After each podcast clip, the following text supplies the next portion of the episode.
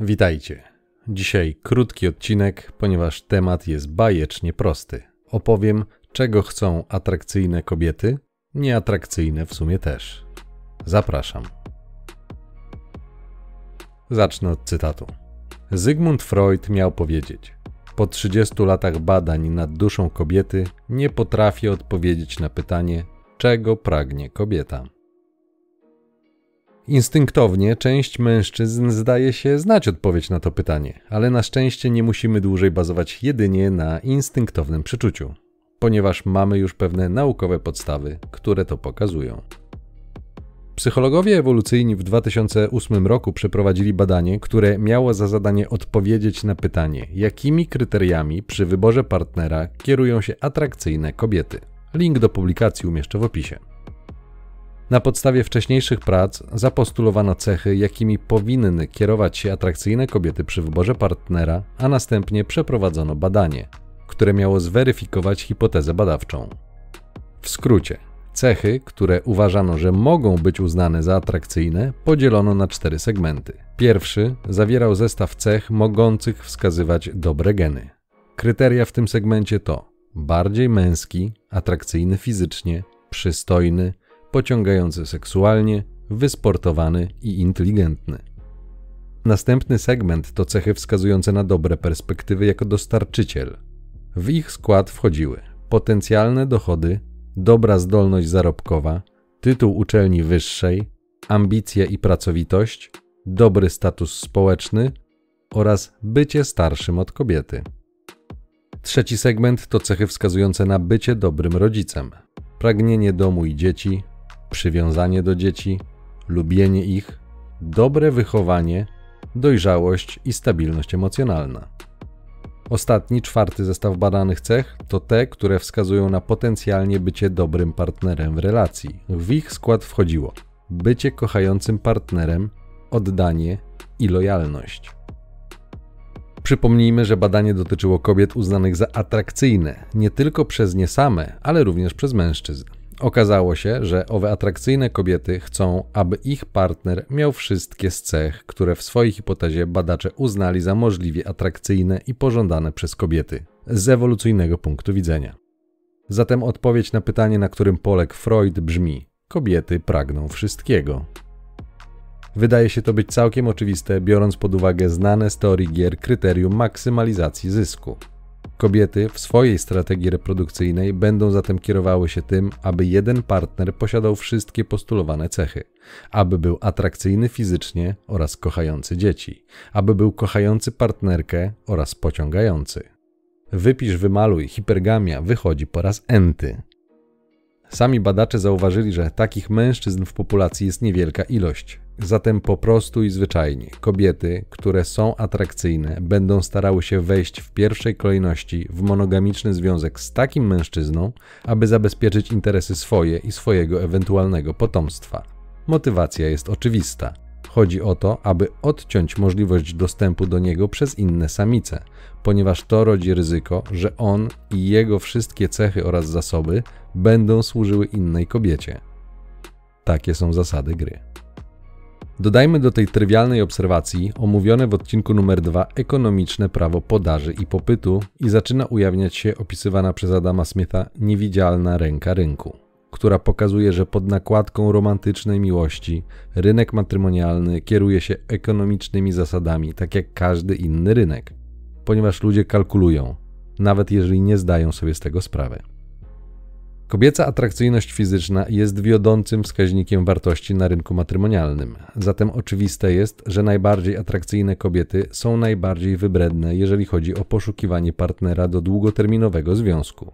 Chcą one w ten sposób zmaksymalizować swój zysk poprzez uzyskanie u partnera najbardziej opłacalnych cech, tak aby w ten sposób nie musieć działać według ryzykownej, z kobiecego punktu widzenia, mieszanej strategii reprodukcyjnej.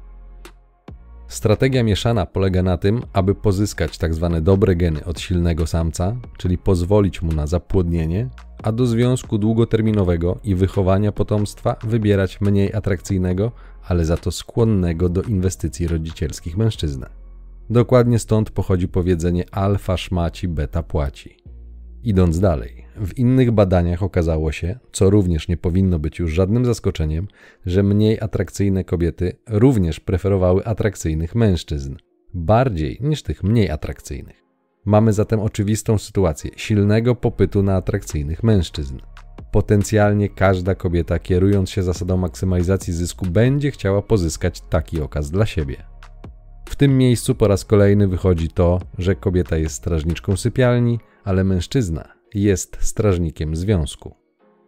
Jak mam nadzieję już doskonale wiesz, atrakcyjny facet ma większy wybór niż nieatrakcyjny, ponieważ popyt na niego zgłasza relatywnie dużo pań, więc on, też kierując się zasadą maksymalizacji swojej korzyści, będzie wybierał panie, które stanowią dla niego największą wartość. Mówiąc redpilowym językiem, to kobiety simpią do niego, a nie odwrotnie. I to on zatrzymuje je na swojej orbicie lub w ogóle do niej nie dopuszcza, czyli odprawia z kwitkiem. W związku z tym kobiety mniej atrakcyjne muszą obniżyć swoje oczekiwania względem partnera, ponieważ w przeciwnym wypadku zostaną same. Tutaj nie ma filozofii. Następuje najnormalniejsza w świecie wymiana. Kobieta mniej urodziwa musi iść na pewien kompromis, ponieważ sama nie ma wystarczająco dużo argumentów na wymianę. Stąd bierze się ta transakcyjna natura relacji. Następuje wymiana, płodność i przyjemność za zasoby i pracę. Jeżeli kobieta nie jest już w swoim najlepszym czasie, to jej wartość na rynku matrymonialnym spada i oznacza to, że atrakcyjni mężczyźni przestają się już nią interesować do długoterminowego związku. Do sypialni być może tak, ale do związku już nie. To się nazywa ściana. Wtedy to oni mogą stosować te same wymówki, które są stosowane na młodych mężczyznach z niskim SMV. Wiesz, nie wiem co czuję. Zostańmy przyjaciółmi. Nie pasujemy do siebie. I tak dalej, i tak dalej. Opisywałem to w odcinku numer 55, gdzie nawet podstarzała supermodelka nie może już dłużej zaprzeczać, że wiek nie ma znaczenia. Opisywałem to również w odcinku numer 67, gdzie prawdopodobnie normalna kobieta w wieku 35 lat ma dokładnie te same problemy, tylko wcześniej niż dbająca o siebie ex-modelka. Oczywiście znajdą się przypadki, gdzie taka kobieta po ścianie faktycznie będzie szczęśliwa, ale zaryzykuję stwierdzenie, że będzie ich zdecydowana, zdecydowana mniejszość. Na tym polega oszustwo. Wmówiono paniom, że ich wiek nie ma znaczenia. Otóż ma. I to kluczowe. Drugi mit to taki, że wszystko im się należy i że jeszcze mają czas. Rynek brutalnie zweryfikuje te przekonania, ponieważ na kobiety popyt zgłaszają mężczyźni i to oni decydują o ich wartości. Dokładnie tak samo działa to w drugą stronę, czyli na mężczyzn popyt zgłaszają kobiety i to one decydują o ich wartości. Ponieważ w Red Pillu wiemy, jakie cechy są atrakcyjne dla kobiet, to możemy te cechy wymaksować, aby stać się dla nich przynajmniej w jakimś stopniu atrakcyjni. Kobiety natomiast, szczególnie na zachodzie, ale widać też już niektóre tego symptomy w kraju nad Wisłą, zdają się mieć w dupie to, czego chcą mężczyźni. Dosłownie i w przenośni. Sam nie wiem, którego mają więcej. To powoduje, że te, które dały uwieść się zewsząd płynącej ginocentrycznej narracji, przegrają na jeden z dwóch sposobów. Albo po prostu będą same i bezdzietne do końca życia, albo w końcu zwiążą się z mężczyzną, którego nie pożądają. Ale jak to się mówi, na bezrybiu i rak ryba, co finalnie spowoduje, że i tak nie będą szczęśliwe, co będzie przykryte odpowiednią maską. Rozsądne dziewczyny, które otrzymały prawdziwe informacje lub prawdziwe wzorce, mają szansę wyjść z opresji obronną ręką, jednak nie jestem optymistą co do ilości pań, którym się to uda. Sprawa rozbija się o oczekiwania i realną wartość stojącą za tymi oczekiwaniami. W tym jest problem. Rozbuchane, niekiedy nierealne oczekiwania i niemożliwość ich spełnienia będą powodowały u pań frustrację. Stosując analogię samochodową, mają w ręku 50 tysięcy, ale chcą za to kupić najnowszą E-klasę Mercedesa. Taka kwota to za mało, żeby dealer sprzedał nowe auto. Logiczne jest zatem, że trzeba albo zmienić upatrzone auto, lub dodać wartość pieniężną przeznaczoną na zakup. A właśnie tutaj wydaje się, że ta oczywistość nie dociera do jakiejś i w mojej opinii coraz większej części pań, za co z całą pewnością przyjdzie im zapłacić cenę. Podsumowując, atrakcyjne kobiety chcą wszystkiego. Nieatrakcyjne zresztą też, ale mają utrudnione zadanie, dlatego że aktywa, które mają do zaoferowania w tej transakcji, mogą nie być wystarczające, a w dodatku na rynku jest konkurencja w postaci innych kobiet, które rywalizują o tych samych, najbardziej atrakcyjnych mężczyzn ze szczytu hierarchii. Na dodatek ważny jest czas. Nigdy nie zapominaj o transakcyjnej naturze związków. Dlatego w odcinku numer 2 zasugerowałem, abyś zastanowił się, co jest podażą, a co jest popytem w przypadku tego rynku. To badanie pokazuje dokładnie, co jest męską podażą z ewolucyjnego punktu widzenia. Przy okazji tego badania jest okazja, aby lepiej zrozumieć, dlaczego używam słowa gra. Masz już świadomość, że może występować konflikt interesów na poziomie indywidualnych preferencji, ale także na poziomie strategii reprodukcyjnej obu płci. Załóżmy, że ty wchodzisz w swój najlepszy okres, a kobieta na przykład po trzydziestce jest już na prostej opadającej ze względu na starzenie się. W dodatku często jest już w okresie epifanii. Gra po stronie kobiet polega na tym, aby sprawdzić, czy jako facet posiadasz poszukiwane przez nią cechy, a następnie skłonić cię do długoterminowej relacji z nią. Obecnie długoterminowa w przypadku uszkodzonych kobiet oznacza tak mniej więcej do zapłodnienia i ewentualnego odchowania potomstwa, a nie dopóki śmierć was nie rozłączy. Ponieważ państwo zapewni wsparcie lub przymusi ciebie jako mężczyznę do wykonania swojej części umowy małżeńskiej, kobiety już nie. Pokazuje to wyraźnie ostatni wyrok Trybunału Konstytucyjnego, który nie pozwala egzekwować kontaktów alienowanemu rodzicowi, ponieważ jest to, jak stwierdził Trybunał, wbrew konstytucji. A że częściej alienowany będzie ojciec, to już oj tam, oj tam. Kto by się przejmował?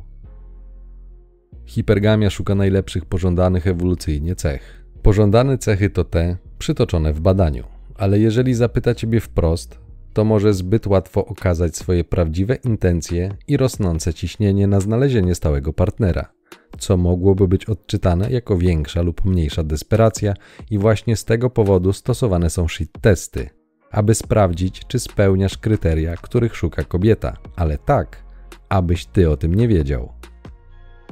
Im więcej kryteriów spełnisz, tym bardziej zaspokoisz hipergamię i tym chętniej kobieta sama będzie za tobą latała. To naturalny instynkt, a nie miłość rodem z komedii romantycznych. Celem jest potomstwo i reprodukcja oraz podtrzymanie gatunku, a nie twoje szczęście. O to musisz zadbać sam.